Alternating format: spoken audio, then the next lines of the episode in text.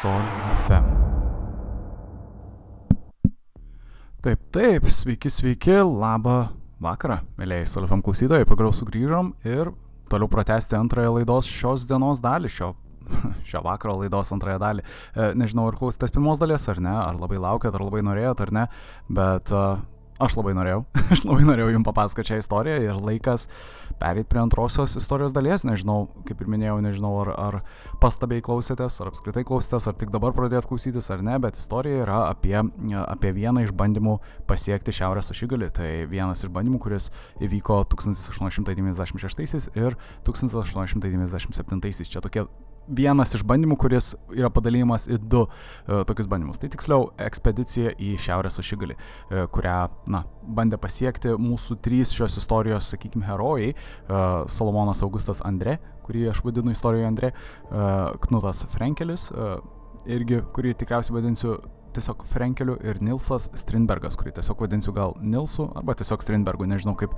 kaip geriau. Kaip visada mano, mano e, nepykit, kad aš kartais užsienio pavardės ar vardus nelabai moku gerai ištart. Bet vėlgi, čia šios pavardės, kurias aš išvardėjau, jos dalyvavo antrajame ir svarbiausiame, tu prasme, ta, toj ekspedicijoje, tame bandyme, sakykime, išskristi su uh, dujų balionu į šiaurės ašigalį. Ir ne tik išskristi į patį ašigalį, tu prasme, ir jį pasiekti, bet kartu ir praskristi pro jį ir pasiekti Kanadą arba Rusiją priklausomai nuo to, kur vėjas pus. Tai čia iš ties, kaip mano, matot, pati e, idėja skamba iš vienos pusės labai romantiškai, kad žmonės kris su balionu ir tiesiog aplankys šiaurės ašigalį ir saugiai galbūt pasieks kurią nors iš jų užsimanytų šalių, bet mes žinom, kad gamta yra ganėtinai, uh, ganėtinai negailestingas dalykas ir ją reikėtų labiau gerbti, o ne bandyti, na, bandyti galbūt taip pašiep su, su įvairiausiais balionais, sakykime, dujų balionais ir panašiai. Nors na, dujų malio, ba, balionai yra gan įdomus išradimas, sakykime, ir, ir kaip ir minėjau, aš iš ties stebiuosi, tu prasme, žmonių uh, žmonių galbūt pasiekimais, ta prasme, aviacijoje apskritai, bet uh, reikia, nereikia pervertinti šito dalyko, reikia suprasti, kad, na, savame suprantama, tai atrodo lyg ekspedicija į vos nesavižudybę. Tu prasme, tai skamba šitą istoriją, skamba vos nesavižudybę. Tu prasme, išskristi šiaurės ašigalį su, su dujų balionu. Uh, iš ties neįtikėtina ir, tu prasme, na, pasmerkta atrodo ekspedicija, bet galbūt nėra, nėra esmė, galbūt, kad tai nepasisekė, ta prasme, iš vis gal yra blogai, kad aš bandau užbėgti už akių. Prasme. Mes užbaigėm istoriją ties pirmu, pirmuoju bandymu, pirmąją ekspediciją. E, pirmajame bandėm, bandyme dalyvavo šiek tiek kitokia trijulė, kaip, kaip ir aš minėjau anksčiau, tai ta prasme trijulėje vis dar buvo jų e, lyderis Andre, e, taip pat dalyvavo tri, trijulė ir, tarp, ir tas pats fotografas bei mokslininkas, prasme, ir iš jų visų trijulės jauniausiasis minėtasis, atleiskit visą laiką tą pavardę, bandau ištart gražiai, Strindbergas, tai Nilsas Strindbergas. Taip. E, ir, ir kartu su jais dalyvavo ir Andrė, Andrė vadovas. Andrė vadovas ir atleiskit, kad aš taip nemoku ištarti vėlgi tų pavardžių, bet pabandysiu dabar, iš visų jėgų dabar atleiskit, ne, ne, nepykit aš jūs. Nilsas Gustafas Ekholmas. Taip, tai su jais dalyvavo ir šitas trečiasis Nilsas Gustafas Ekholmas, atleiskit, kuris buvo Andrė, Andrė vadovas anksčiau, kažkada, kai jisai darbavosi. Tai vėlgi, jie dar 1896-aisiais bando pakilti pirmą kartą su, su tuo dujų balionu, vėl išskristi į šiaurę. Jie tikisi, kad na, orai bus ganėtinai palankus jiem. E, kaip ir minėjau, jie, bandys, jie, jie nusprendė bandyti tą padaryti vasarą, nes vasaros laiku, kaip žinia, e, šiaurės ašigalyje pastovi visą pusmetį realiai yra diena. E, tai jie mane, kad tai na, bus tik į naudą jiem ir, ir, ir na, kągi jie bando jau sulipti į tą, į tą uh, balioną ir jie iš karto pastebi, kad na, balionas yra iš ties prastos būklės, jisai išleidžia labai labai daug dujų, uh, bent jau, bent jau uh, Ekholmo, Ekholmo nuomonė, ta prasme, atrodė lyg, lyg pats balionas praranda kažkur plus minus 68 kg keliamosios galios per dieną. Čia yra labai blogai. Kitaip tariant, kad, na, balionas po truputį leidžia ir savaime suprantama krenta žemyn. Tai siekiant save išgelbėti tokiu atveju tau reikėtų mesti labai daug svorio, ta prasme numetinėti įvairiaus svorio, tai įvairių įrankių, įrenginių, kurie, kuriuos jie pasims su savimi, gal net maistą būtų tekę išmest, e, ta prasme tam, kad tas balionas išliktų ore. E, tai savame suprantama, ta prasme Ekholmui tai atrodė labai pavojingas dalykas, pa, patys orai vėlgi nors ir atrodė palankus ir, na, Andrėja atrodė, kad lyg ir orai, orai pučia lyg ir šiaurės pusę, bet čia buvo tik jo nuomonė, nes vėlgi jisai toksai buvo, kaip čia pasakius, jisai buvo mechani, mechaninis inžinierius, jisai nebuvo, kaip čia pasakius, uh, neišprusęs galbūt, jisai, jisai, jisai suprato, prasme, kas, jis nebuvo meteorologas, gal kitaip, gal, gal kitaip pasakysiu. Jisai, jisai savo sritį pakankamai gerai žinojo, bet jis, kas susijęs su orais, su, na, orlaivių valdymu apskritai ir panašiai, aviacija, jisai ne, jis buvo mėgėjas realiai šiuo atveju, jisai, jisai turėjo tą tokį romantinį užsibrėžimą būti pirmoji švedų. Bet kaip pastebėsim, kad tas užsibrėžimas kilo ne tik iš to fakto, kad jisai na, norėjo būti pirmasis ir kad jis norėjo būti herojus švedų akise, bet ir kartu dėl to, kad jis jautė ir tam tikrą spaudimą iš, iš visuomenės. E, jisai labai gerai pardavė tą idėją, kad tai yra įmanoma. Ir, na, žmonės investavo į tai. Daugybė, na, tu prasme, valstybė ir, kaip ir minėjau, pats karalius, tu prasme, e, Oskaras II irgi davė pin nemažą pinigų sumą ir prisidėjo prie paties, prie paties, na, pačios šitos ekspedicijos, kas, na, tais laikais ekspedicijų buvo daug ir gauti finansavimą buvo labai sunku, bet Andrėja buvo geras, na, sakykime, geras pardavėjas šios idėjos ir jau tas faktas, kad jam pavyko parduoti kartu ir atėjo su tuo faktu, kad jam reikės tą ir išpildyti, reikės prie žmonės pasirodyti, kad tu iš ties gali su tuo balionu išskristi. Ir nors ir iš pradžių viskas atrodė labai, na, paprasta, bet, kaip ir minėjau, tavo būtent vasaros dieną, tą 1896-aisiais, tą pirmąjį bandymą, jiem prieėjus jie pamatė, kad balionas leidžia iš ties daug oro ir vėjas, na, tapo staiga visiškai nepalankus, jisai pradėjo pūsti atgal į e, pietų pusę, na, atgal į salos praktiškai pusę. Tai išties, išties blogas dalykas ir, ir tie, kas galbūt šiek tiek esate domėjęsi, ta prasme, šitais dalykais ir reiškiniais, e, kuo labiau tu kyli į šiaurę, ta prasme, labiau link šiaurės ašigalio judi, e, vėjas pučia labiau, na, priešinasi, ta prasme, tas yra pasipriešinimas. Aš, aš dabar nežinau, kaip tai vadinasi, bet realiai, kuo tu labiau keliausi į šiaurę, tu labiau gausi vėjo į veidą, galima sakyti, taip, ūkiškai tariant, e, ta, tiesiog su balionu bandant nuskrist lik šiaurės, ta prasme visą laiką susidursi su daugybė vėjo, kuris tave pūs atgal. Tai iš esmės tau reikia kažkokio kitokio aparato, kuris tau padės nusigauti į, į e, šiaurės ašigalį. Tau neužteks tiesiog skris su balionu ir pasikliaut, na, nežinau, vėjų, kad tave kaip, kaip nors nugabens į šiaurės ašigalį. Tai iš ties neįtikėtinas, na, pasi, pasikliovimas gamta, gal sakykim. Tai taip, e, pirmoji ekspedicija visiškai žlugo, jinai net neįvyko, galima sakyti, žmonės net nepakilo ir niekur neskrido. Uh, Andrėja buvo labai susigėdęs, jam buvo didžiulė gėda, ypač kai jis išgirdo, kad uh, ne per seniausiai uh, Nor Norvegų, Norvegų kai kurie uh, ekspeditoriai, tai tas pats uh, minėtasis, uh, minėtasis šiandien dar pirmoji dalyje, tas, kur aplankė dar uh, be, berots atsimenat, ką turėjau minėti, prasme, dar prieš tai minėtasis, prieš tai minėtasis, ta prasme, pirmasis žmogus, kuris aplankė pietų ašigalį Roaldas Amundsenas, jisai irgi buvo norvegų toks kaip ir ekspeditorius, jisai tuo metu uh, sugrįžo jau sėkmingai, grinai iš uh, po savo ekspedicijos ir, ir šitos žinios jį dar labiau, na, pribloškė, nes uh, savame suprantama, švedai netoli Norvegijos ir, ir ta prasme, apskritai jie jau ir Norvegijos saloj buvo, ta prasme, nes jie planavo iš Norvegijos salos išskrist ir jiem jau nusprendus neskrist, atidėti tą skrydį, e, jie, jie gauna tą žinią, kad na, tas žymusis norvegas Roaldas Amundsenas grįžo, grįžo sėkmingai po savo ekspedicijos. Tai Andrėja, na, iš ties ištiko tą tokią kaip ir depresiją, šokas, jisai labai nusivylė savim, jisai pamatęs tą balioną iškart suprato, kad na, realiai jisai neturi jau kaip ir pinigų, jisai išvaistė daug pinigų, nes tas ir pats balionas buvo ganėtinai eksperimentinis, jisai buvo prancūz, prancūzų uh, kurtas balionas ir jis buvo brangus. Uh, ir jis pamatė, kad jis nėra geras. Ir, ir savame suprantama, jisai net neturėjo tiek daug to finansavimo. Tai realiai, na, tikriausiai protingas žmogus, net nežinau, kaip pasakyti, protingas gal žmogus, bet gal labiau racionalus galbūt žmogus jisai būtų pasidavęs.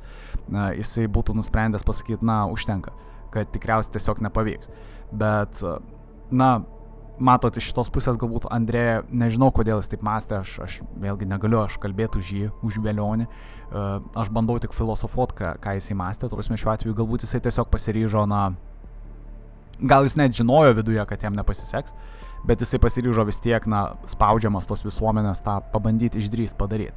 Uh, Savame suprantama, prasme, visiems tai atrodė, pradėjo atrodyti nesaugiai, nes atrodo pirmasis bandymas ir jau nepavyko, o tuo tarpu, e, na, norvegai keliauja laivu kuo puikiausiai ir, ir jiem nieko daugiau nereikia. Ir tuoj gal ir nukeliaus ir į patį šiaurės ašigalį, dar ir aplenks uh, švedus.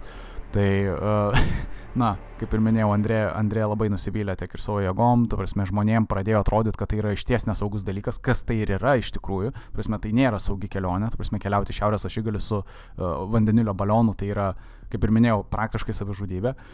Net ir šiais laikais galima sakyti, tai yra įmanoma, bet, na, nežinau, ar labai daug kas patartų, tu prasme, taip iškeliauti, tai išties pavojingas dalykas. Tai taip, iš esmės tą reikėjo atidėti ir Andrėja nusprendė, kad reikės laukti sekančių metų realiai ir tikėtis, kad sekančiais metais bus geras, pakankamai geras oras. E, tai ką jie pastatė, jie pastatė tokį kaip ir angarą e, toje vietoje, tu prasme, toje saloje. E, ir Na taip, jie paliko tą savo balioną, išleido, išleido visas dujas ir paliko balioną realiai metam.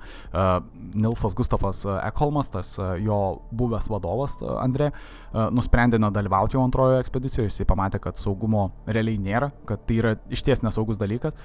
Uh, Tuo tarpu, tuo tarpu Nilsas Strindbergas, jisai tas minėtasis, man anksčiau, jauniausias iš visų uh, Prasme, mokslininkas plus, plus fotografas, jisai nusprendė pasilikti su trijulė. Bet čia jau dabar jau nebe trijulė, o dvijulė. Tai Andrė ir Strindbergas. Tai Andrė nusprendė, kad reikia jam surasti kokį nors žmogų pakeičiantį, na, Ekholmą ir jisai surado Knutą Frenkelį. E, nežinau, kaip čia dabar jo pavardę gražiai sakyti, tiesiog Fra Frankelis. Frankelis.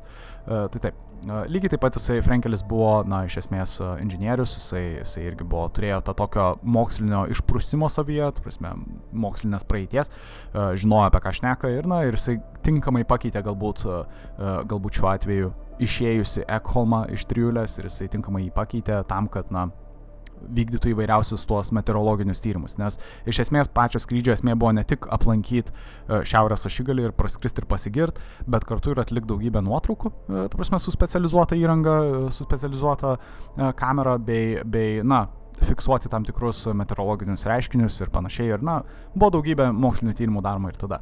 Na, tai buvo atradimo amžius realiai.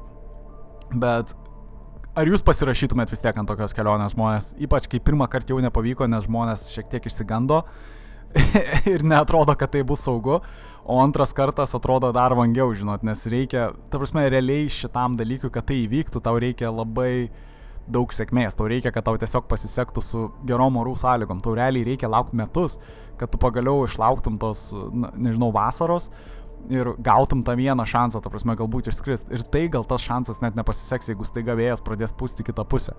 Tai nežinau, ar jūs pasirašėjote. Tai čia vis tiek esmė tame, kad ta trijulė turėjo turėti kažką savyje, kas norėtų pasiekti tą šiaurės ašigalį. Tikėt. Jau galų gale tai buvo net ne, na, kas ir yra keista, nes visa trijulė buvo realiai, na, mokslininkai, galima sakyti ir jie buvo vis tiek turėjo to tokį tikėjimą, kad mums pavyks. Dabar mes suprantate tą tokį neracionalų tikėjimo šuolį, kad mums vis tiek pavyks, kad mes turim bandyti. Ir iš to ir kyla tas visas herojiškasis uh, amžius, ta prasme, tos Antarktikos, uh, Antarktikos uh, naršymo herojiškasis amžius. Nors čia ir nebuvo Antarktika, čia buvo Arktės, uh, Arktės uh, ekspedicija, o ne Antarktijos ekspedicija, bet uh, Antarktijos ekspedicijos tas, tas amžius, ekspedicijų amžius, jisai, na, drieskėsi realiai per abu polius, galima tiek, sakyti, tiek ir per šia, šiaurės ašigalį ir, ir pietų ašigalį. Žmonės norėjo pasiekti abu ašigalius ir būti pirmieji. Ir galų gale įrodyti, kad mes įveikėm per savo tą, na, grinai tą žmogišką išprusimą, na, išsilavinimą, techniką ir viską. Ir, ir na, per tuos visus na, pasiekimus mes sugebam pasiekti viską, visas vietas pasaulyje. Na, išskyrus labai giliai po vandeniu. Dar iki šiol mes negalim taip lengvai pasiekti labai giliai po vandeniu. Tai taip. E, na tai tęsiant e, toliau, iš esmės reikėjo laukti jiem iki pat 1897 metų vasaros, o tiksliau iki pat Liepos. Liepos 11 išaušus, e, atrodo, orai buvo tobuli ir iš esmės šį kartą trijulę susirinkus, na, nusprendė, kad reikės pabandyti savo sėkmę, kad iš esmės reikės pabandyti nusigauti šiaurės ašigalį. Tai čia buvo toji antroji, antrasis tas bandymas. Kai kurie sako, čia buvo jau antroji ekspedicija, bet aš nepavadinčiau to ekspedicijos. Aš sakyčiau, ekspedicija buvo viena, tiesiog jinai susidėjo iš dviejų bandymų. Tai tas pirmasis bandymas, kaip ir minėjau, buvo 1896 metais vasarą ir jis nepasisekė, o antrasis bandymas tai 1897 Liepa, Liepos 11 tiksliau. Ir, na, ar jis pasisekė ar ne, palieku spręsti jum, bet jūs tikriausiai jau žinot, kas atsitiko, nes mes palikom kaip ir nuotrauką, realiai žymėją nuotrauką, tą istorinę nuotrauką. kurią padarė ne, ne kas kitas, o pats jauniausias iš, iš, iš trijulės uh, Strindbergas. Tai iš esmės atleiskit dar dėl tų pavardžių. Aš vis, man, man vis jos maišos ir to prasme kartais būna sunku jas ištart. Daug žmonių kartais būna parašo, kad maišai netaip reikia ištarti ir panašiai, tai nepeikia žmonės, nesu pats geriausias, nesu pats geriausias vertėjas. Tai taip, iš esmės ten yra žymioji Strindbergo nuotrauka ir joje ką mato, tai nukritusi balioną. Tai iš esmės ką tai reiškia, kad, na, jiem nepasisekė. Bet iki to laiko, na, pabandykim susidėlioti visą chronologiją, kas, kas atsitiko. Tai iš esmės e, žmonės kaip ir ne, niekas nepirko jokio naujo baliono, e, realiai kas buvo nuspręsta padaryti, tą sandarumą užtikrinti per kelis galbūt lipnes tokias kaip juostas, kažką panašaus, e, net nežinau kaip jos vadinasi, jos tokias, na, įsivaizduokite tiesiog balionas ir jūs jį bandot apklijuoti, na, aplopit, taip, e, ūkiškai, bet, na, Andrė negalėjo, negalėjo, to prasme, investuoti daugiau į tą balioną, jis paprasčiausiai neturėjo pinigų, tai čia buvo vienintelė išeitis. Ir, na, jinai nebuvo pati geriausia išeitis, nes vis tiek balionas leido ir tas dujas leido labai. Ta prasme, tai nebuvo gera išeitis visai. Tai jau matot, kad jau bėdos vis didėja ir didėja ir jos pagrindai yra iš technikos pusės. Dabar galbūt dar viena pagrindinė bėda yra tai, kad patys trys žmonės, ar ne, kurie, kurie nusprendė išskristi, jūs visi turbūt pastebėjot, kad jie yra, na, realiai mokslininkai. Prasme, o kuris iš jų, iš šių trijų žmonių, na, išmano kažką apie išgyvenimą tokiuose sąlygose? Na, realiai nei vienas. Prasme, kaip ir minėjau, realiai ši trijulė mane, kad, na, uh, jie, jiem net galbūt neteks išlipti iš pačio baliono. Jie net nebuvo apsirūpinę nieko daryti. Ta prasme, na kaip jie apsirūpino tam tikrom sąlygom, bet jie apsirūpino ganėtinai prastai. Ir jie, ir jie nebuvo pasiruošę, ta prasme, na, nusileisti, sakykime, avariniu būdu nusileisti kokią, ta prasme, vidury, e, vidury ta prasme, slenkančio ledo, ta prasme, kažkur, kažkur šia, e, šiaurės ašigalį visai netoli, šia, e, visai netoli visai netoli, tiksliau, šiaurės ašigalio, ne pačiam šiaurės ašigalį. Tai jie to nesitikėjo, jie tam nebuvo pasiruošę ir matosi, kad, na, čia tiesiog trys mokslininkai, kurie nors ir išmano savo sritį ir jie, na, siekia to būti tie pirmieji, jie kartu ir, na, nebuvo, jie, jie kartu neturėjo to tokio, gal sakykime, ūkinio išsilavinimo, nežinau kaip kitaip tą pavadinti, tu prasme to išsilavinimo, kad tiesiog, na, ten per šalta, žinot, kaip čia pasakė, ten per šalta ir mums reikia pasiruošti geriau. Nors mes galimai galime ir nebūti tik balionė, galimai mums reikia ir išlipti iš to baliono. Tai kaip ir minėjau, jie galvojo, kad taip nebus. Tai jie pasiruošė, realiai kaip, jie pasiruošė daug turėjo atsargų maisto, e, kas, na, galbūt ir yra gerai, bet tas maistas nebuvo geras, buvo, jis buvo toksai, kaip čia pasakius, daug alkoholio, e, gal kitaip sakykim. Tai čia nėra labai geras maistas atsidūrus, atsidūrus šiaurės ašigalėje, tikriausiai man nereikia to aiškinti jum.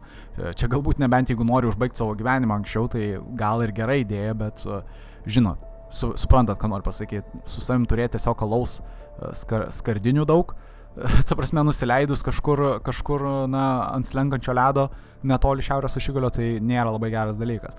Tai geriau negu nieko, aišku, bet, na, tau nereikalaus. Sakyk, tau nereikalaus tokioj situacijai būna. Nežinau, sakau, nebent nori iš savo atimti jau gyvybę anksčiau laiko. Tai iš esmės taip, žmonės pradėjo visi žmonės susirinkę, ta prasme, pu publika, ta prasme, susirinkus uh, prieš, prieš išvykstant trijuliai, ta prasme, jie vis tiek šaukia ir patriotiškai ir, ir ta prasme, labai, na, uh, tikėjosi daug, ta prasme, iš, iš, išvykstančios trijulės ir, ir na, trijulė šiek tiek buvo užmotivuota, išvyko į tą minėtąją, e, minėtąją e, Norvegijo, Norvegijos šiaurėje esančią saulę, e, ta prasme, salą.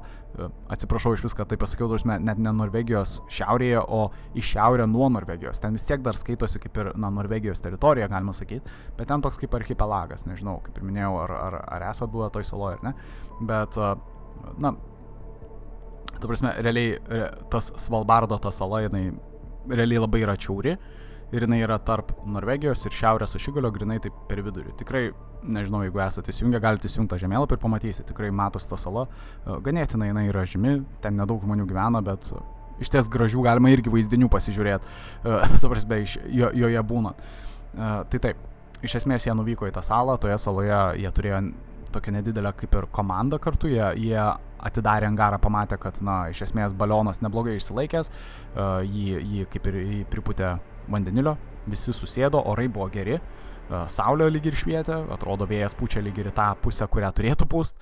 Uh, maža ta nedidelė komanda nukirpo juostas ir, na, balionas pradėjo skristi.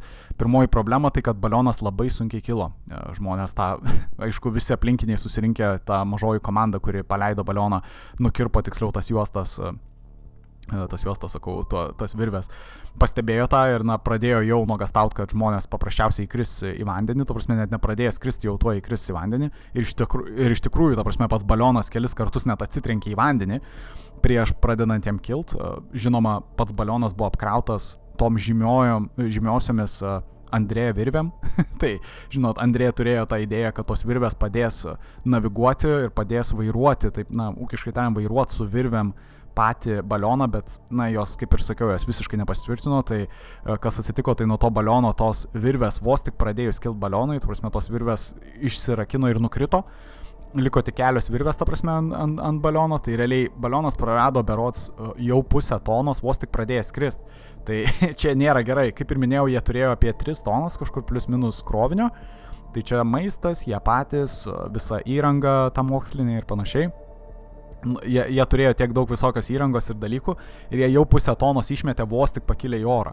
Tai čia jau yra blogas ženklas, ta prasme. Ir, ir kaip ir minėjau, čia Liepos 11 ir, ir žinoma, atrodo visi žmonės tiesiog tyliai ir nieko nesako, nors realiai jie žino viduje, kad čia nėra gerai. Andrė, na, atrodo ganėtinai motivuotas ir mano, kad čia viskas yra gerai, čia suprantamas dalykas. Da, dar iš tolo žmonėms stebint, jie mato, kad iš baliono išmetamos dar, e, dar išmetami keli maišai, ta prasme, smėlio. Ir kaip ir viskas, e, balionas išskrenda ir viskas, mes nebežinom, kas toliau atsitinka. čia, žinoma, atrodo jums keista dabar, kai pasakysiu, sakysi, tai ką, viskas čia istorijos pabaiga. Na, realiai čia galėjo būti istorijos pabaiga, bet tai nėra visiškai istorijos pabaiga.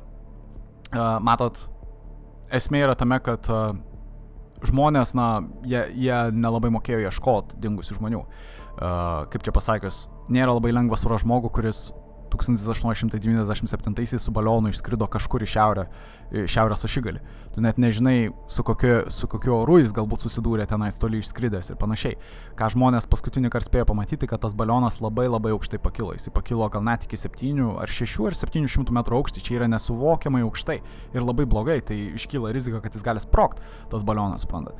Tai iš esmės taip, žmonės pastebėjo šitą dalyką, ta prasme pradėjo nuogastaut, kad galbūt tie žmonės nukrito nuo baliono. Tu prasme, galbūt, nežinau, tu prasme, kažkas atsitiko su krepšiu, e, kai kurie pradėjo mąstyti, kad jie tiesiog išskrido į kitą šalį ir pabėgo su visais pinigais. Čia buvo samokslo teorija irgi. Kiti galvojo, kad balionas susprogo, nes jisai pakilo labai aukštai, čia buvo realiai paskutinis dalykas, ką matė žmonės, kad jis labai labai aukštai pakilo tas balionas. Ir jis vėlgi pakilo aukštai, nes jie labai numetė daug svorio, kaip ir minėjau, pusę tonos tiesiog žmonės pradėjo filosofuoti įvairiausias išgalvoti istorijas, kas galėjo atsitikti. Kaip ir minėjau, ta viena žymioji ta samokslo teorija, kad jie tiesiog išskrido su ta balionu su visais pinigais ir realiai apgavo visus. Bet kaip mes žinom, kad jie tų pinigų nelabai ir turėjo. Patys savanoriai buvo savanoriai.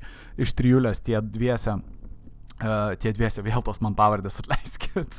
Uh, tu prasme, Frenkelis ir Strindbergas iš trijulės, jie buvo savanoriai, tai jie realiai pinigų neturėjo, jie tiesiog keliavo kartu, uh, o Andrė, tu prasme, jisai buvo tas, kuris išleido realiai visus tos pinigus, tu prasme, tiem balionam ir, ir prekiam visom tiem, tam maistui, galima sakyti, ir įrangai. Uh, tai taip, realiai jie nieko neturėjo, tu prasme, iš to pasipelnyti, jie tiesiog norėjo tam tikros šlovės ir įsipareigojimų įvykdymo, tu prasme, nes daug švedų tikėjo tą na, jie turėjo tą patriotinę dvasę, kad jiem pavyks, kad jie bus pirmieji, kurie pasiekė šiaurės ašigalį su oro balionu. Net ne oro balionu, o vandenilio balionu. Tai taip, žmonės nerado jų iki pat, na, labai ilgai. tai taip, kad užbėg šiek tiek įvyk, į, įvykiam už akių, jie jų nerado 33 metus iš viso. Tai jie juos surado tik 1930. Ir jie jų nerado gyvų, jeigu tą jūs klausit. Tai taip, čia nenoriu aš aišku užbaigti istorijos, čia istorija nesibaigia, bet čia istorija realiai jau daugiau nei pusėjo, bet mes dar turim da, tokį didelį gabalą, kas vyko, e, ta prasme, istorijos papasakot. Bet taip, iš esmės tai buvo paskutinis kartas, kada visuomenė, galima sakyti, matė juos.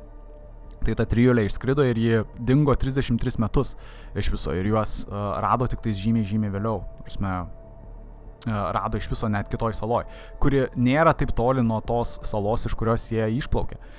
Tiksliau išskrido, atleiskit. E, kaip ir minėjau, tai yra Svalbard, e, Svalbardo sala. jinai vėliau buvo, anksčiau tiksliau buvo vadinama Spitsbergeno ta sala, kuri yra ten ta Norvegijos teritorija. Ir šiek tiek, šiek tiek į rytus nuo tos salos yra tokia sala, tokia mažesnė sala Kvitoja. Berots, taip vadinasi, jinai Kvitoja. Toje saloje ir buvo rasti jų kūnai. Iš esmės labai liūdna ta istorija, buvo, buvo dar dvi, čia grinai atsitiktinumo dėka, to prasme kelios ekspedicijos rado, viena ekspedicija rado du kūnus, o, o dar viena ekspedicija rado ir trečiąjį kūną. Tai iš esmės liūdna istorija, bet e, kaip tai atsitiko, mes nežinom. Bet e, matot, kartu su kūnais buvo rasti labai svarbus dalykai. Tai trys žurnalai, kiekvienas iš, kiekvienas iš uh, skridusiųjų, jie turėjo po žurnalą ir jie į, na, į tuos žurnalus rašė ne tik mokslinius dalykus, tai yra meteorologinius reiškinius ir, ir, ir, daugmaž, daugmaž tas lokacijas, kur jie randasi ir panašiai, bet jie kartu rašė savo, na, ką jie jaučia. Na, ta prasme, kaip jiems sekasi ir panašiai. Apskritai pats, pats trijulės fotografas, ta, ta prasme, minėtasis, uh, minėtasis Strindbergas, jisai apskritai rašė net ir, net ir savo sužadėtiniai. Tai čia taip, na, gan romantiška, bet šiek tiek ir gaila, iš tikrųjų. Bet tęsiam toliau, pabandykim suprasti, kaip visą tai atsitiko. Tai klausimas iškyla, kaip žmonės komunikuodavo tada. Ar ne, ta prasme, kokia buvo idėja, kad reikės komunikuoti, ta prasme, su tuo skrendančiu balionu oro.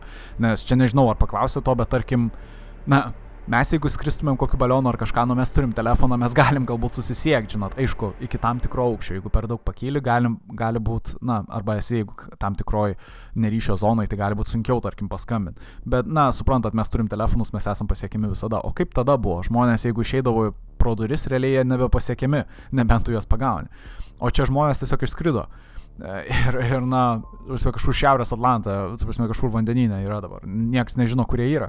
Kaip su jais bus komunikuojama. Tai idėja buvo tokia labai, nežinau, primityvi. Uh, tai yra naudoti, naudoti uh, plūdurus ir naudoti balandžius. Tokius kaip karvelius. Na, tikriausiai esat girdėję, ta prasme, tą tokį, nu, net pirmojo pasaulinio karo metu buvo naudojami tie tokie uh, pašto balandžiai. Ir, ir netgi karveliai, kurie, na, na, buvo ištreniruojami tam, kad siūstų visokias žinutės. Atrodo keista, bet atrodo, na, prieš šiek tiek daugiau nei šimtą metų dar žmonės naudojo tokią komunikaciją. Labai keista. Bet taip, tai iš esmės šiem mūsų trijuliai uh, buvo duota nemažai balandžių, nemažai tų karvelių, sakykime, pašto karvelių. Uh, jie turėjo visą, visą narvelį, ta prasme jų. Ir, ir kaip žinia, jie išsiuntė bent keturis balandžius, bet tik vienas iš keturių pasiekė, na, pasiekė vietą, kurią turėjo pasiekti, nes jie buvo ištreniruoti daug maž, na, atskristi į šiaurinę e, Norvegijos pusę ir nutūpus joje buvo žinutė, kad e, tą žinutę perduot e, laikrašiui, na, ta prasme, spaustuviai. Tai labai paprastas dalykas. O į tą žinutę jie įrašydavo patys, patys keliautojai, to prasme mūsų triuliai įrašė, na, įrašydavo, kokioje vietoje daug maž yra ir kaip jiems sekasi ten kažkas panašaus. Tai tik vienas karvelis realiai buvo rastas ir e, čia apskritai ne, nede, nederėtų gal man juoktis, bet jį nušovė. Tu prasme, pati, na, karvelį, taip. Uh, jisai nutupė kažkur ant laivo, tu prasme, nu, ir Norvego, Norvegas, tu prasme, laivo operatorius, jisai nežinau, ar jis čia pakštavo, ar jam atrodė, na, erzinantis dalykas tas balandis, nežinau, karvelis ir jisai jį nušovė.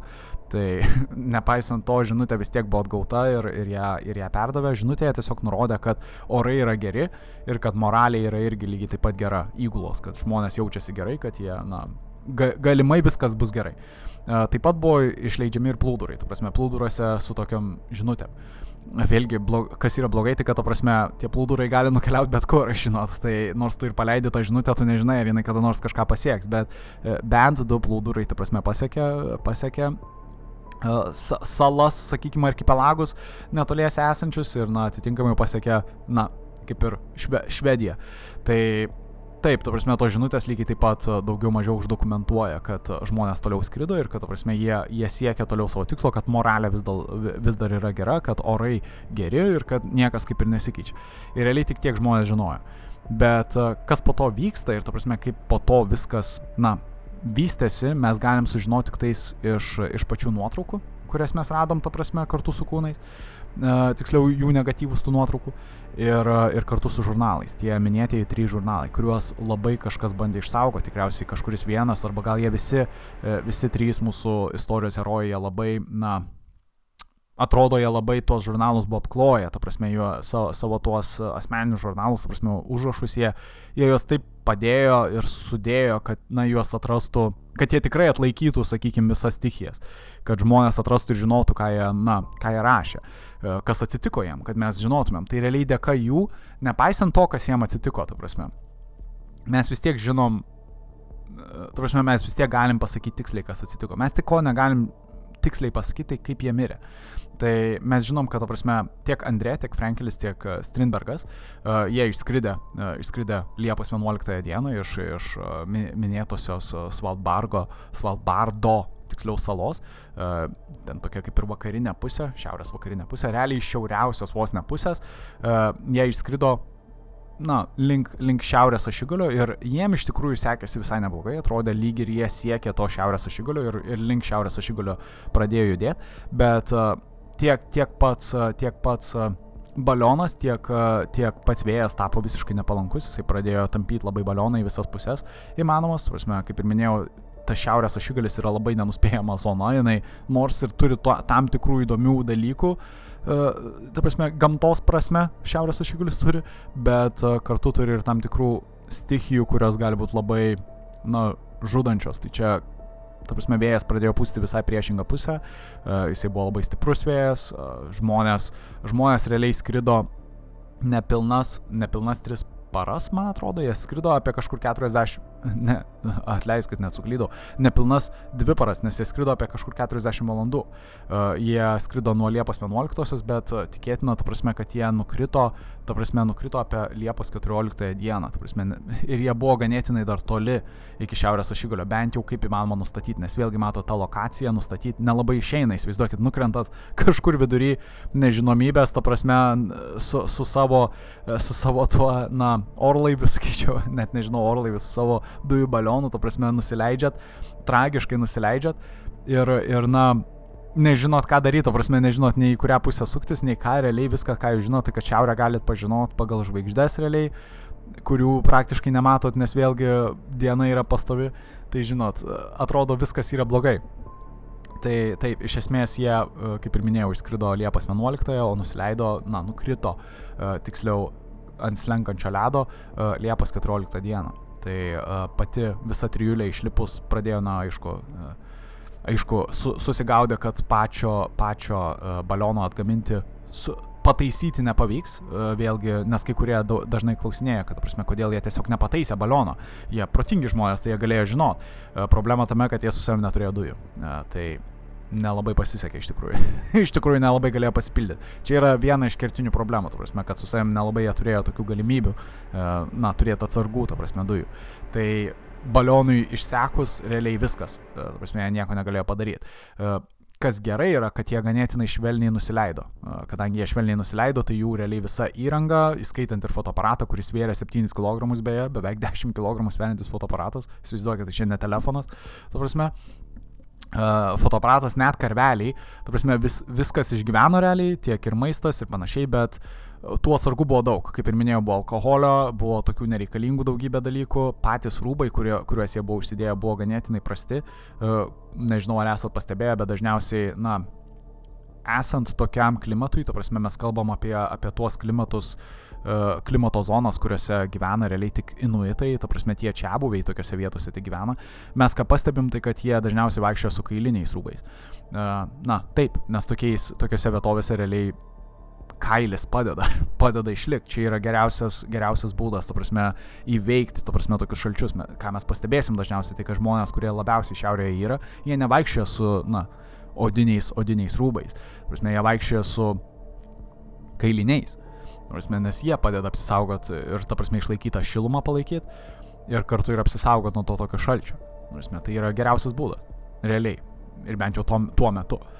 Uh, ką mes pastebėsim, tai kad mūsų trijulė jie neturėjo tokių rūbų, jie, jie turėjo tokius, na, kaip, kaip čia pasakius, vos ne kaip lietpalčius, kažkas panašaus. Uh, tai yra iš ties, aišku, temperatūra nebuvo didelė, labai žema, ta prasme.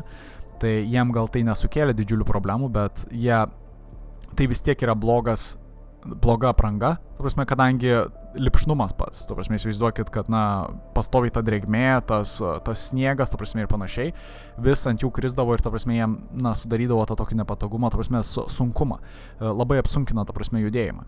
Ir jie kartu ir neturėjo tinkamų batų, kas irgi, na, yra negerai, ta prasme, pati avalynė.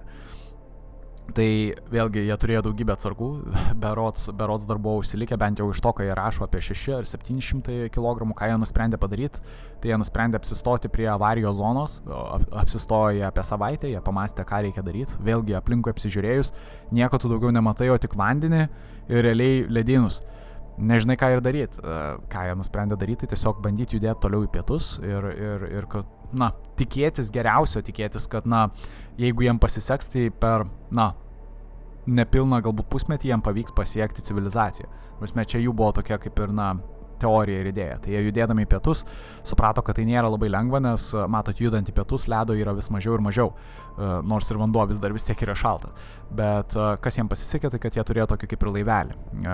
Ta, ta prasme, tokį nedidelį laivelį, bet vėlgi jis nebūtų pakankamai geras, kad atlaikyt, na, perplaukt, realiai plaukti didelius atstumus, ta prasme per jūrą tu tikrai su tokiu laiveliu nepaplauksi ir tikėtina, kad stichija vėlgi ne, nebus palanki ir, ir paprasčiausiai apsiversit visi, su, visi trys plaukdami. Tai ką jie nusprendė padaryti, tai jie bekeliaudami nusprendė, na, jie apskritai gal net tiesiog pabrėšiu, kad jie pastebėjo, pastebėjo tą faktą, kad uh, ledy, ta prasme visi tie ledai jie juda Prasme, ži, tikriausiai suprantat, aš, aš kaip ir minėjau, šia, šiaurės, ta prasme, pietų ašigalis jisai nejuda, ta prasme, pietų ašigalis yra Antarktidos žemynas. Ne, tai pietų ašigalis, na, realiai jisai pietų ašigalis ir yra, jisai, na, vienas taškas, ant kurio tu gali tvirtai atsistoti. Šiaurės ašigalis yra lygiai taip pat vienas taškas, bet jis yra, na, vandenį. Tačiau kadangi ten yra šalta, tai virš to vandens susidaro ledas arba, na, toks ledas, kuris pastoviai juda dėl, na, Šiaurės Atlanto, dėl, na, paprasčiausiai tos šiaurinės jūros. Tai ta jūra pastovi judina ledą. Ir kas atsitinka dėl to? Jeigu tu, tar, tarkim, jeigu tu eini virš to ledo, aš nesakau, kad tu gali įlūšti tą ledą, bet nes jis, na, ganėtinai storas, tai tikėtina, kad saugu yra vaikščioti ant jo, bet jeigu tu eini palei tą ledą, tu po truputį eini ir atgal, nes tas ledas eina atgal. Suprantat, ką noriu pasakyti, tas ledas eidavo lik labiau į centrą orientuodavosi, ta prasme, žemės. Tai tu realiai lyg ir keliauji link, link, ta prasme, pati, pačio šiaurės ašigalio, tu po truputį keliauji su ledynais Bet nors tu ir keliauji į pietus, tu keliauji, ta prasme, su visais ledynais iš šiaurės, iš šiaurės ašigalį. Ta prasme, čia toks blogas dalykas, ta prasme, blogas jiem, ta prasme, dalykas, nes jie keliavo po truputį į pietus ir jie pamatė, kad jie vis praranda to laiko, nes jie vis lyg nepajuda iš vietos, lyg jie grįžta. Galų gale kai kurie, e, ta prasme, galų gale ir pastebėjo, kad jie vos neina ratais, nes pa, pats ledas jisai sukasi. Supranta, tai tarkim, jeigu tu eini tiesiai, bet ledas sukasi, tai tu, na, tu niekur nepajudi, ta prasme, tu tiesiog eini vietoj arba sukiesi aplinkui. Tai čia yra tragiška, na, tragiška situacija. Galų galę trijulė nusprendė padaryti kitaip. Jie nusprendė apsistoti ant, na, ta prasme, vieno ledokšnio, galima sakyti, ar ne, kuris, kuris linkosi po truputį į pietus. E, jie nusprendė tiesiog pasistatyti tokią kaip, nežinau, palapinę, galima sakyti, ir panašiai. E, ir joje ta prasme, ir su, ir su ledu keliauti, ta prasme, žemyn. Ir tikėtis, kad tas ledas nugabens jos kažkur. Blogai yra tai, kad vos po paros naktų tokių e, iš karto įlūžo vidury, vidury jų palapinės, ta prasme, ledas. Jie, jie iš karto, ta prasme, vos, e, vos spėjo išsigelbėti, ta prasme, realiai visą trijulę, bet, na, jiem pasisekė. E, ir, ir vėlgi, nors ir jie išsigelbėjo, jie suprato, kad jiem reikia nušokti nuo to ledo kuo greičiau ir, ta prasme, apsistoti artimiausiai, na, iš vis saloj, kurią jie tik tais pamatys. Ir jie taip ir apsistojo kvitojui, e, toje, toje saloje. Jie šiaip netaip atvyko iki tos kvitojos. Jie atvyko apie spalio mėnesį. Tai čia tik pagalvojimui jie išgyveno, ta prasme, nuo Liepos 14 iki pat spalio 6 kažkur plus minus dienos. Nes paskutinis įrašas berots jų žurnaluose įvyko kažkur spalio 8 dieną, jeigu aš nespėjau, jeigu aš neklystu. Kiekvienas iš jų kažką rašė žurnale, kartais parašydavo tiesiog vieną žodį, e, tai tarkim spalio 7 dieną berots, e, berots buvo parašyta, kad jie tiesiog juda. E, vienas, vienas iš trijulės tiesiog prašė, kad jie tiesiog juda. Kur juda, ar ką, kodėl, tu prasme, nebuvo parašyta. Bet realiai karts nuo karto jie tiesiog aprašydavo, na, tą tokį labai paprastą dalyką. Kas buvo pastebėta iš tų žurnalų, tai kad su laiku jų raštas labai suprastėjo, tu prasme, jų um, net nemoku paaiškinti, prasme, įsivaizduokit, įsivaizduokit lik jūsų, na, nežinau, protiniai sugebėjimai labai suprastėja. Prasme, tiesiog jūs labai prastai pradeda rašyti su klaidom, prasta, nežinau, prasta skiryba, nežinau, jeigu ją vartotumėt iš viso toje, toje, ta prasme, jeigu net bandytumėt tvarkingai rašyti, ta prasme, tame žurnale, jūs taiga pradedat rašyti prastai. Nežinau, ar pati trijulė tą pastebėjo, bet žmonės, kurie, na, atgavo tuos žurnalus ir juos perskaitė, jie pastebėjo, kad jie pradėjo taiga rašyti prastai. Ir, ir, na, čia buvo keistas reiškinys, bet kai kurie bandė paaiškinti tai per jų mytybą. Kaip ir minėjau, jie pačioje pradžioje jie turėjo nemažą krovinį ir tas krovinys tapo didžiulė bėda, nes iš vienos pusės gali žmonės sakyti, kad, na, bent jau jie turi daug maisto. Ir taip, iš ties jie turėjo nemažai maisto, bet tai nebuvo geras maistas. Kaip ir minėjau, alus, šampanas, tai yra prastas maistas, tai nėra maistas skirtas išgyventi netoli esant šiaurės ašigalio. Tau reikia mėsos ir daug. Ir, na, kas belieka, žmonės pradėjo, na, trijulę pradėjo medžiot. E, jie medžiojo ne ką kito, baltasias meškas. Įsivaizduojat, prasme, baltasias, nes taip, jie turėjo ginklus. E, čia galbūt vienas iš geriausių dalykų, ką jie galėjo pasiruošti iš ties, tai jie turėjo ginklus. E, ir jie visi, prasme, trijulę medžiojo, medžiojo baltasias meškas. Ką mes sužinosim, tai kad baltosios meškos jos turi, jos turi, na, nesveikus galbūt mum kepenis. Na, iš esmės, balt, užvalgius baltųjų meškų kepenis, kepenų kažkiek, tu gali apsinuodinti nuo vitamino A. Čia tikriausiai žinot šitą dalyką, čia toks bendrinis dalykas, bet iš esmės tai yra labai pavojingas dalykas. Bet tikėtina, kad jie apie tai žinojo, nes trijulė apie tai rašo savo žurnaluose, kad, ta prasme, jie žino, kad meška negali būti, na, suvalgyta bet kaip, kad, ta prasme, tam tikros kūno dalis uh, yra pavojingos ir nuodingos. Bet dabar klausimas, ar jie negalėjo netyčia sumaišyti. Suprantat, nes aš kaip, kaip pavyzdys, tarkim, ar tu dažnai matėjai Ar tu daug kartų matai, kaip atrodo me, meška išskrosta, tarkim, ar tu galėtum atpažinti, kur tikrai meškos yra kepenis. Daug kas sako, kad taip galėtų, ne, tu galėtum atpažinti žmogų, o meškos kepenis. Ar jos tikrai tokios pat, ar tu, te, ar tu esi, na, įsitikinęs, kad tu žinai, kaip jos atrodo. Gal ir atrodo panašiai, o gal ne. Turisme, ar tu rizikuotum, atsikast gabalą, prasme, nežinau.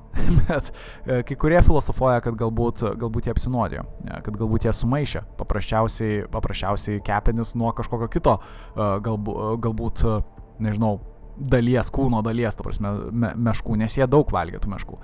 Ir galimai jie galėjo apsinuodyti vitaminu A ir, ir, ir tai gali pasibaigti mirtim. Ir dabar Kitas dalykas, jie vėlgi valgė ir ruonius, ir jūrų liūtus, jie, jie ta prasme, savame suprantama, tai buvo išlikimas, tai jie nedarė to dėl žiaurumo, bet yra nemažai nuotraukų, e, iš esmės gali tą pamatyti, kas yra išties keista ir savotiškai skaičiau nuostabu, kad uh, nepaisant, ta prasme, tokios situacijos, e, ta prasme, jų vienas iš trijulės, kaip ir minėjau, tas pats e, mokslininkas ir fotografas prie, prie to paties Strindbergas, jauniausiasis iš jų, jisai nepaisant viso to, jisai vis tiek viską fotografavo ir, ir dėl to mes galim suprasti visą tą istoriją, kas vyko, suprasti tą kasdienybę. Tai kad iš esmės jie turėjo didžiulį krovinį, kuris, kuris buvo pripildytas, na, niekais, sakykime, alaus ir alumi ir šampanu kuris galbūt prie kompanijos visai neblogai, bet, na, šiaurė, prie, netoli šiaurės ašigalio nėra gerai. Uh, ir, ir, na, kad jiem reikėjo medžiot, galim pamatyti. Ir kad galim pamatyti, kaip jie daug maž gyveno, kaip jie įrengė ir su laivu keliavo savo. Tavrasme, kaip jie naudojo tą laivelį, kad nusigaut, nusigaut iki kitos vietos, tarkim, ir panašiai, nes jie su tuo laiveliu kartais ir plaukdavo.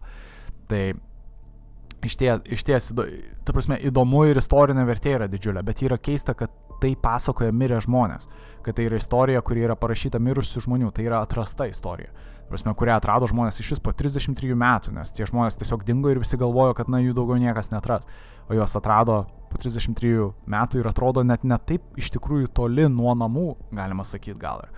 Nes jie vis tiek atrodo atsirado toje saloje, na, ta, ta, ta prasme, net, netoliese esančioje saloje, iš kurios jie tu prasme, iš, išskrido dar prieš tai. Atrodo, jie visai neblogai, na ir sunavigavo gal savotiškai. Aišku, kai kurie čia juokiasi, sako, kad čia jiems tiesiog pasisekė, tyčiojasi ir panašiai, bet suprantat, ką noriu pasakyti, vis tiek įspūdingas dalykas, tu prasme, sugebėt tiek nukeliauti pe, peščiom ir per tokį klimatą. Ir dar juo labiau jie tempia rogės, tu prasme, jie tempia rogės su visom atsargom. Atsargos svėrė plius minus apie 200 kg, taip, net rogės lūždavo, tu prasme, jie, jie ką norėjo paminėti, kad iš esmės nors ir jie turėjo didelę, didelį krovinį ir daug maisto, tai tapo savotiškai ir blogas dalykas. Ir tikriausiai tie, kurie mėgsta atkeliauti, žinot, kad turėti kuprinę yra gerai, bet turėti, na, kuprinė, kuri vos ne akmenim užkrauta, nėra labai gerai. Nei tavo nugarai, nei tavo sveikatai daug labai nepakeliausi, ta prasme. Iš esmės reikia turėti gerai pakrautą kuprinę su, su reikalingais daiktais, galima sakyti, su svarbiausiais daiktais. Dažniausiai dėl to taip ir sakoma, kad susikrauk, susikrauk, susikrauk svarbiausius dalykus prieš kelionę, o ne, žinai, tik tuos dalykus, kurių galvoji, kad tau prireiks galbūt. Tai taip, iš esmės jie buvo susikrovę praktiškai viską ir nors ir jie pačioj pradžioj keliavo su tuo dideliu kroviniu, jie turėjo atsisakyti jo, jie, jie turėjo išmes daugybę tų, uh, na, šampanų ir panašiai. Jie turėjo atsisakyti viso to. Na, čia gal protingas poelgis, bet vėlgi tai parodo, ant kiek jie buvo nepasirengę šitai situacijai. Bet nepaisant to, jie sugebėjo išgyventi, prasme, sugebėjo išgyventi tris mėnesius. Realiai, įsivaizduojat, čia neįtikėtina. Tikėtina, kad tris mėnesius, galbūt net ir ilgiau, nes vėlgi čia tik žurnalai pasibaigė po tų kažkur trijų mėnesių.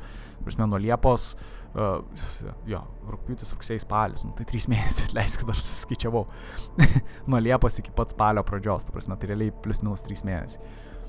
Uh, ta prasme, keista. Tai re, realiai jų tokia ir buvo kasdienybė. Jie tiesiog medžiodavo ir keliaudavo į pietus. Ir nors ir jie susidurdavo su ta tokia problema, kad lūštantis ledas ir panašiai, jie galų gale pavyko jiem uh, apsistoti toje Kvitojos saloje, uh, kuri vėlgi yra visai, na, bent jau žiūrint į žemėlapį pusės, jinai netoli yra tos salos, iš kurios jie išskrido, iš Svalbardo. Sva, Svalbardo salos, atleiskit. taip, buvusios Spitsbergeno. Tai taip, uh, nepaisant viso to, nepaisant viso to, jiem vis tiek nepasisekė matyti, matyt jie, matyt jie kažką galbūt nuodingo suvalgė arba galbūt kažkas atsitiko, žmonės nežino iš tikrųjų, koks buvo jų likimas ir kodėl jie, na, žuvo, kodėl jie mirė. Bet teorijų yra įvairių. Tai kaip ir minėjau, viena iš teorijų buvo paprasčiausiai tiesiog meška. Na, meškos, meškos kepenis. Jos, jos gali būti nuodingos. Jos iš tikrųjų yra labai nuodingos. Prasme, jeigu jų užvalgai, na, blogai. Tiesiog sakykim, kad yra blogai. Tai iš esmės čia buvo viena iš idėjų. Dar viena buvo idėja, kad, na, jie galėjo būti, na, užsikrėtę galbūt dėl, matot, prastai, prastai padaryta mėsa, galbūt gal prastai, nežinau, iškepta mėsa, jinai gali turėti įvairiausių, kaip čia pasakius, bakterijų ir panašiai. Ta prasme, tu gali susirgti valgydamas nepakankamai gerai iškeptą mėsą, ne, negerai paruoštą mėsą, tai kai kurie, na, mane, kad Tai galėjo atsitikti dėl to, dėl pra, prastai paruošto maisto, bet uh, kas atsitiko, tai iš esmės pasižiūrėjus, na, nesakyčiau pasižiūrėjus, bet ką pastebėjo žmonės, kurie pamatė lavonus, tai kad bent jau taip atrodė, lyg jie nemirė vienas po kito po tam tikro laikotarpio, nes žinot, jeigu tu apsinuodiji, tu neapsinuodiji iš karto ir, ir iš karto visi numiršta.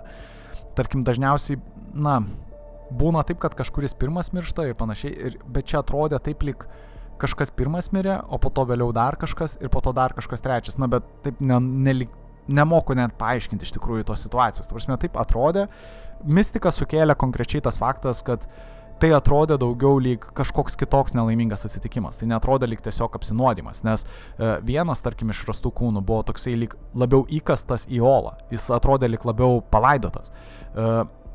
Todėl mes turim kitokią teoriją. Turim įdomesnę galbūt net teoriją, kurią pasiūlė, kurią pasiūlė vėlesnė autorė. E, čia, čia, čia vėlgi čia labai, galbūt man, man bent jau tai atrodo kaip ir įdomiausia iš tikrųjų teorija. Tursime, čia, tursime, kur kas įdomiau skamba nei, e, kur kas įdomiau skamba nei, žinot, tiesiog apsinuodijus, užvalgius netyčia, uh, užvalgius netyčia netų, ne to gyvūno, uh, tuosme, kepenų.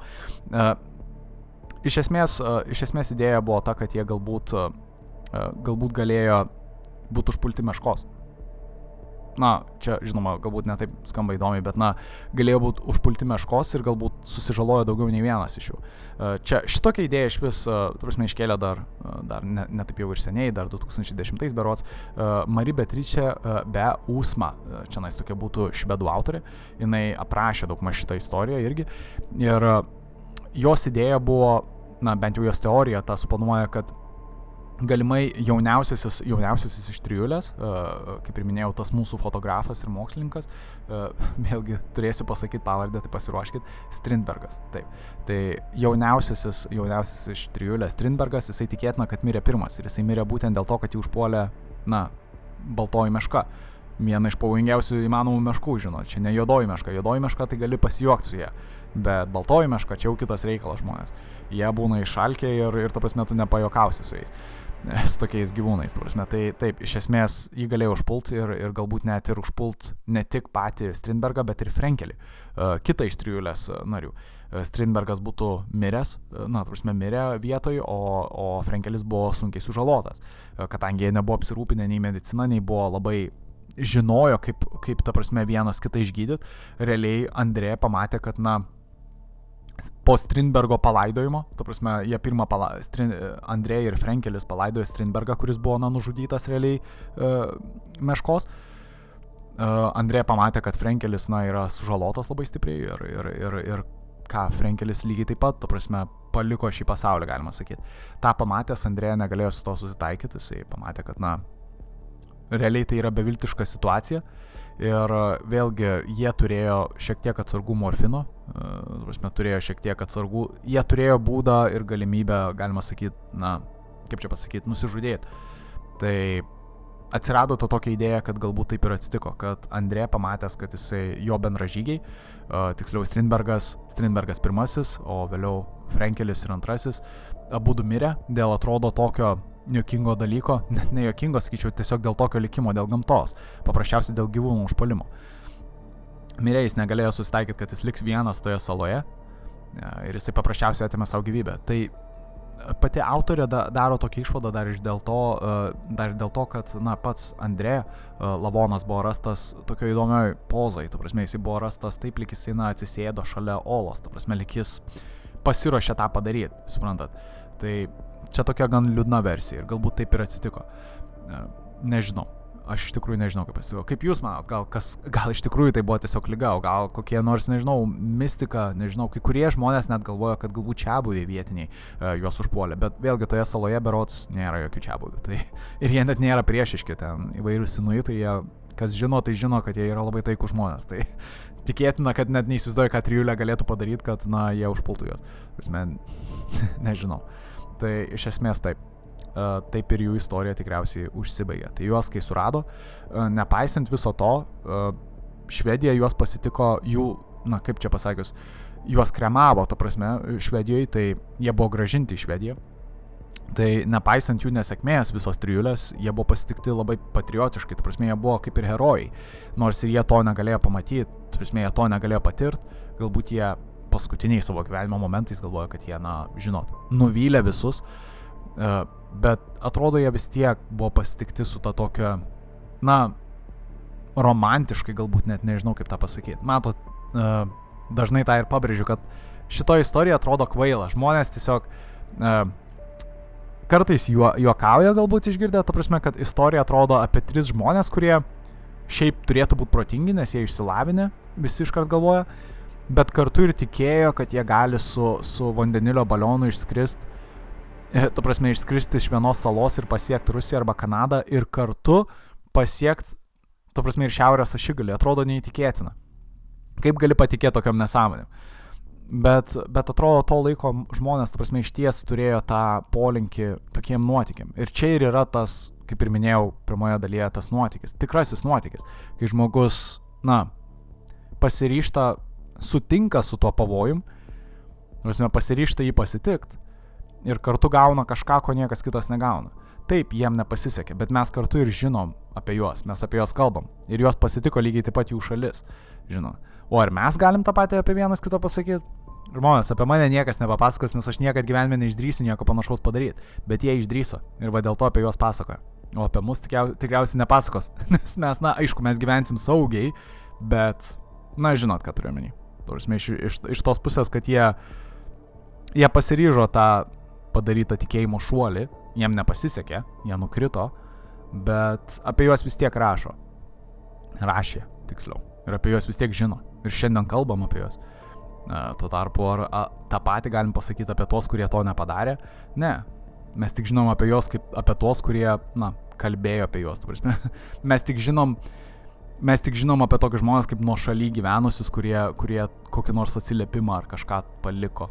Prasme, apie, apie šitus apie šitus mūsų herojus, sakykime, kuriem nepasisekė. Tai taip, tokių ekspedicijų būdavo daugybė žmonės, prasme, ir jų tais laikais darydavo daugybę. Ir jų ne visos, pasi, ne, ne visos pasisekdavo. Pasižiūrėkite į Everestą, tarkim, ne? Iki šiol žmonės, čia jau turistinė vos ne vieta, Everestą eilės realiai, visi nori įlipti į, ta prasme, tą kalną, bet lipant į tą kalną jūs galite pamatyti, kad, prasme, yra daugybė lavonų. Čia yra net keistas dalykas ir keistas reiškinys ir jų niekas nejudina, nes tai paprasčiausiai yra pavojinga. To lavono tu negali, na, paprasčiausiai paimti ir tu atiduosi per daug jėgų ir kartu, tu realiai kartu gali mirti. Tai čia kaip pavyzdys, tie lavonai, jie lygiai taip pat buvo motivuoti žmonės, herojai, kurie norėjo kažką pasiekti. Apie juos praktiškai niekas nieko nesako. Na, galbūt nesako nieko, nes jie buvo motivuoti to asmeninio tikslo. Tuo tarpu Tuo tarpu ši trijulė jie kažkokią turėjo kitokį tą tokį tikslą. Jie turėjo ne tik asmeninį pasiekimą, bet ir kartu tą tokį, na, išaukštint, kad ir tauta pasiekė tą, žinot. Na, nežinau, čia aš labai jau nusi, nusivažiavau. Bet prieš tyčiojantis iš viso to, dar tik priminsiu, bet realiai, realiai tie, kas netiki, kad su oro balionais galima taip nukeliauti, tai nežinau, ar esat girdėję, bet 1999-aisiais kovo 1 dieną, nuo kovo 1 iki pat kovo 21 dienos, apskritai, na, per beveik 20 dienų taip gavosi, e, suskaičiavus, e, toksai kaip ir, nenoriu sakyti orlaivis, bet irgi dujų balionas, Breitlingo Orbiteris 3 apkeliavo aplink pasaulį. Žmonės taip, jisai iš, pakilo iš Šveicarijos ir nusileido, ta prasme, apkeliavęs aplink pasaulį, aplink pusiaują berots, nusileido kažkur Egipto dykumoje. Lygiai taip pat su dviejais žmonėmis, dviejų žmonių įgula. Žmonės nenusileido nei kart, tu prasme, nuo to baliono ir jie sėkmingai sugebėjo apskristi aplink pasaulį. Tai nors ir jums atrodo keista, kad žmonės pasiryšto tokiam dalykam, bet žmonės pasiryšto tokiam dalykam net ir iki šiol. Čia, na, vėlgi 25 metai atgal, apie ką mes čia kalbam, bet, bet atrodo vis tiek kažkas pasiryžo kažką panašaus padaryti, net ir baisiau galima sakyti. Vis tiek kažkas apkeliavo aplink pasaulį ir ne bet kas kitas, o atrodo dujų balionas, kurį pagamino, padėjo pagaminti uh, laikrodžių firma Breitlingas. Nu, tu prasme, Breitling. Tai keista, juokinga iš tikrųjų net. tai taip. O, o šiaip čia dar, nežinau, žmonės mėgsta tą saugumo galbūt jausmą ir panašiai, čia, čia pabaigai, žinai, kalbant. Uh, dažnai mėgstu priminti, čia, čia jau iš, iš tos bendrosios galbūt e, bendrosios istorijos pamokos, kad kas daro mus stipriais, galbūt kaip daro tokie nuotikiai ir, tu prasme, čia, čia tokia galbūt filosofija, kaip daro tokie nuotikiai ir apskritai tokie, tokios ekspedicijos ir tokie siekiai, kurie atrodo neracionalūs ir kvaili, jie kartu ir mus padaro labai stipriais ir įrodo, kodėl mes, na, įveikiam, na, kodėl mes užkariavom pasaulį. Ir ka, ka, kaip pavyzdį galiu duoti, na, dažnai mėgstu duoti, prasme, kaip pavyzdį, uh, prasme, neandertaliečius, ar ne? Tikriausiai žinot, kas tai yra. Prasme, tam tikrų momentų, berots 40 ar 50 tūkstančių metų uh, prieš, prieš mūsų erą žmonės, ta prasme, kaip Homo sapiens, tai mūsų protėviai, kaip žinia, gyveno, na, gal ne visai gyveno su neandertaliečiais, bet jie turėdavo tam tikrą kontaktą su jais. Jie juos sutikdavo, galima sakyti. Paprasčiausiai gentis, vis tiek gyvendavom gentim. Tai savotiškai tiek neandertaliečiai, tiek ir, na, homo sapiens, tikėtina, kad kaip gentis jie susitikdavo. Uh, vėlgi, pats ledynmetis, ta prasme, stipriai paveikė mum, mūsų, ta prasme, protėvius visus, bet kaip matome, mes vis tiek išgyvenom visus tos, na, visą tą klimato kaitą. Tai nepaisant klimato kaitos, kažkodėl išgyveno tik tais, kažkodėl išgyveno tik tais, na, homo sapiens, mes nebeturime jau neandertaliečių. Berots, vieni iš paskutiniųjų, vieni iš paskutiniųjų kaulų, man atrodo, buvo rasti, na, datuojami yra apie 40 tūkstančių metų prieš mūsų erą. Bijau suklyst, tikrai galiu suklyst, bet iš esmės, kad, ką, ką aš noriu tom pasakyti, kad na, neandertaliečiai, ta prasme, jie išnyko. Ir klausimas, ta prasme, daug kas debatuoja, dėl ko taip atsitiko, kodėl būtent neandertaliečiai išnyko, kodėl mes, ta prasme, išlikom, ta prasme, jie išnyko ir panašiai, kas tai, na, kas padarė tam įtaką. Ir vienas, ta prasme, vienas labai man patinka, labai man patinka, tai ta prasme, apskritai teorija yra būtent kelionės. Kad e, nendertaliečiai buvo pasirinkę galbūt apsistoti daugiau vienoje teritorijoje ir joje pasilikti ir, ta prasme, na, kaupti atsargas. Nes čia apskritai, taip paprastai tariant, tai nendertaliečiai nebuvo kvaili, jie buvo daugiau mažiau, galima sakyti, jie buvo panašaus galbūt intelekto kaip mes, galbūt mažesnio, galbūt mažesnio, bet jie galėdavo, na, mes jau žinom daugiau mažiau, kad jie galėdavo galbūt šnekėti e, ir panašiai galėtų kalbėti kaip mes. Galbūt ir ves radio laidą, galbūt aš nendertalėtis žmonės. Kars nuo karto galbūt skambu kaip nendertalėtis, bet ką aš noriu pasakyti, kad jie buvo pakankamai protingi, kad jie irgi galėtų keliauti, sakykime.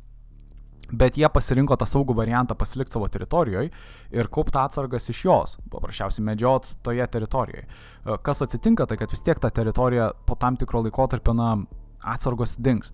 Ir, ir kas atsitinka, tai tiesiog neandertaliečių pradėjo mažėti ir jie po truputį išnyko, nes paprasčiausiai jie nekeliavo, jie pasirinko tą saugų variantą. Ir jie galbūt ir bijojo padaryti tą likimo šuolį ir ieškoti kažko toliau.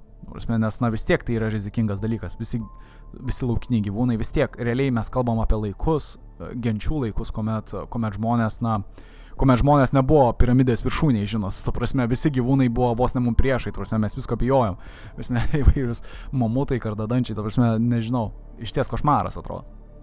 Bet mes, ta prasme, mūsų protėviai nusprendė, kad mums reikia, ta prasme, keliauti. Ir, ir dėl tų kelionių mes išlikom, prasme, realiai, nes mes pasirinkom padaryti tą likimo šuolį, prasme, perlipti, pereit per, to, per visus tos žemynus, prasme, keliauti nepaisant klimato kaitos ir tos, na, tų katastrofų, kurios galėjo atsitikti, prasme, mūsų protėviai vis tiek visos tos gentis keliavo. Jos, at, jos galbūt atrodė nendertaliečiam kvailai, nes tai atrodė lik savižudybės kažkokia misija, bet matot, kaip atsitiko gausi, kad savižudžiai tam tikrą prasme tapo nendertaliečiai, o ne, o ne žmonės, nes mes tai išlikom. Suprantat. Aišku, tam tikrą prasme nendertaliečiai išliko ir mumise. Kaip žinia, nedidelis procentas mūsų DNR yra ir, ir nendertaliečių. Čia nereiškia, kad mes jau esame nendertaliečiai, bet žinot, kad turime kažkiek vis tiek esam visi kartu nendertaliečiai. visi vienas kito giminaičiai, žinot.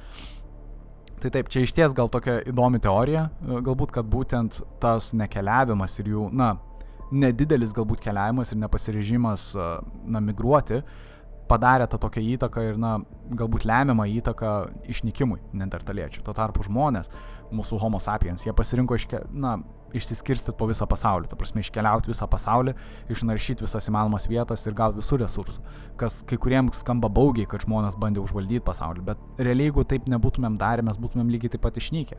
Vieniem gal tai skamba gerai, bet aš, aš nemanau. Aš manau, kad tai savotiškai parodo tam mūsų kaip žmonių siekį visada, na, visada kažką daugiau gauti. Vismena visada kažką nori vis tiek. Čia savotiškai vis tiek turi toks tam, tam tikrą prasme būti egoistas. Berots ir e, Friedrichas Nyčia irgi uh, garsusis, ta, ta prasme, vokiečių filosofas, jisai dažnai, dažnai apie tą kalbą, apie tą, uh, tą konkretų nuotykį, kad tas žmogus, ta prasme, tas, na, net nemoku ka, ka, kaip išversti, ta prasme, gražiai, bet tas, na, tas superinis žmogus, tas uh, tas didingas žmogus, jisai turi būti žmogus, kuris bus pasiryžęs tam nuotikiui, e, pasiryžęs tam pavojui. Na, kaip pavyzdį, jisai berots duoda uh, tiltą, uh, ta prasme. Tu turėtum būti žmogus, kuris bandys peržengti visą laiką tiltą iš savo komforto zonos, kitaip tariant. Tu nenorėtum, lik, neturėtum likti savo patogioj pily, tu turėtum būti tas žmogus, kuris pastatys pilį ir vėliau peržengs per tiltą.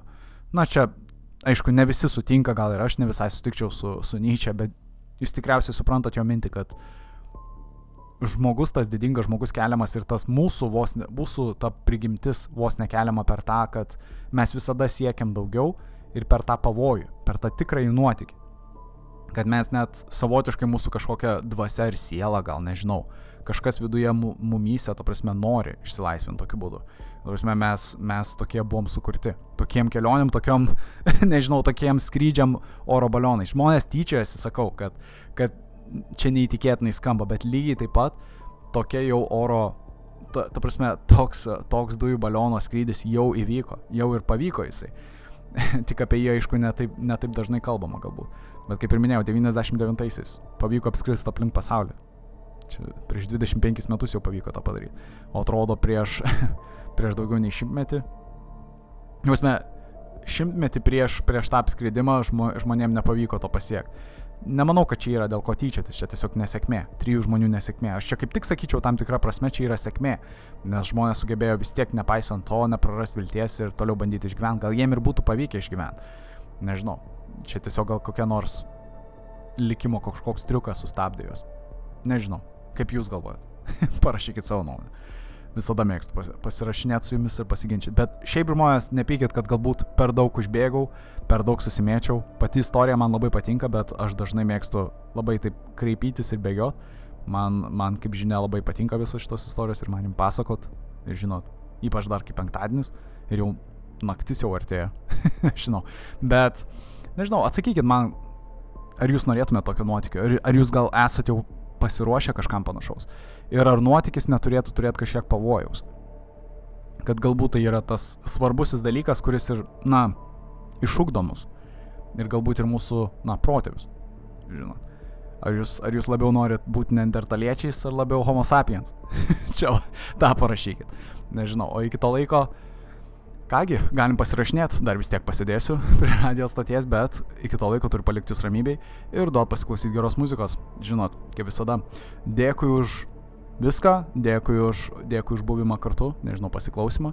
Buvo malonu, buvo gera, kaip visada. Ir kaip žinia, rytoj 9 val. vakaro sustiksim dar vieną istoriją, dar vieną keistą istoriją, apimtai samokslu. Aš jums neišduosiu, apie ką tai bus.